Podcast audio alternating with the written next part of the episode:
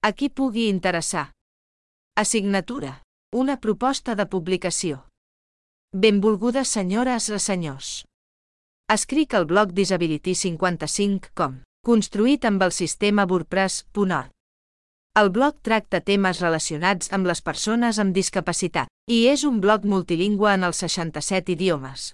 Uzbek, ucraïnès, urdu, àzeri, albanès, amàric, anglès, estonià, armeni, búlgar, bosnià, birmà, bielorús, bengalí, basc, georgià, alemany, italià, indonesi, islandès, danès, holandès, hongarès, indi, vietnamita, tadjic, turc, turcman, telugu, tamil, grec, yiddish, japonès, letó, lituà, mongol, malai, maltès, macedoni, noruec, nepalí, suahili, singalès, xinès, eslové, eslovac, espanyol, serbi, hebreu, àrab, paixtua, polonès, portuguès, filipí, català, finès, persa, txec, francès, coreà, kazak, kirguit, croat, romanès, rus, suec i tailandès.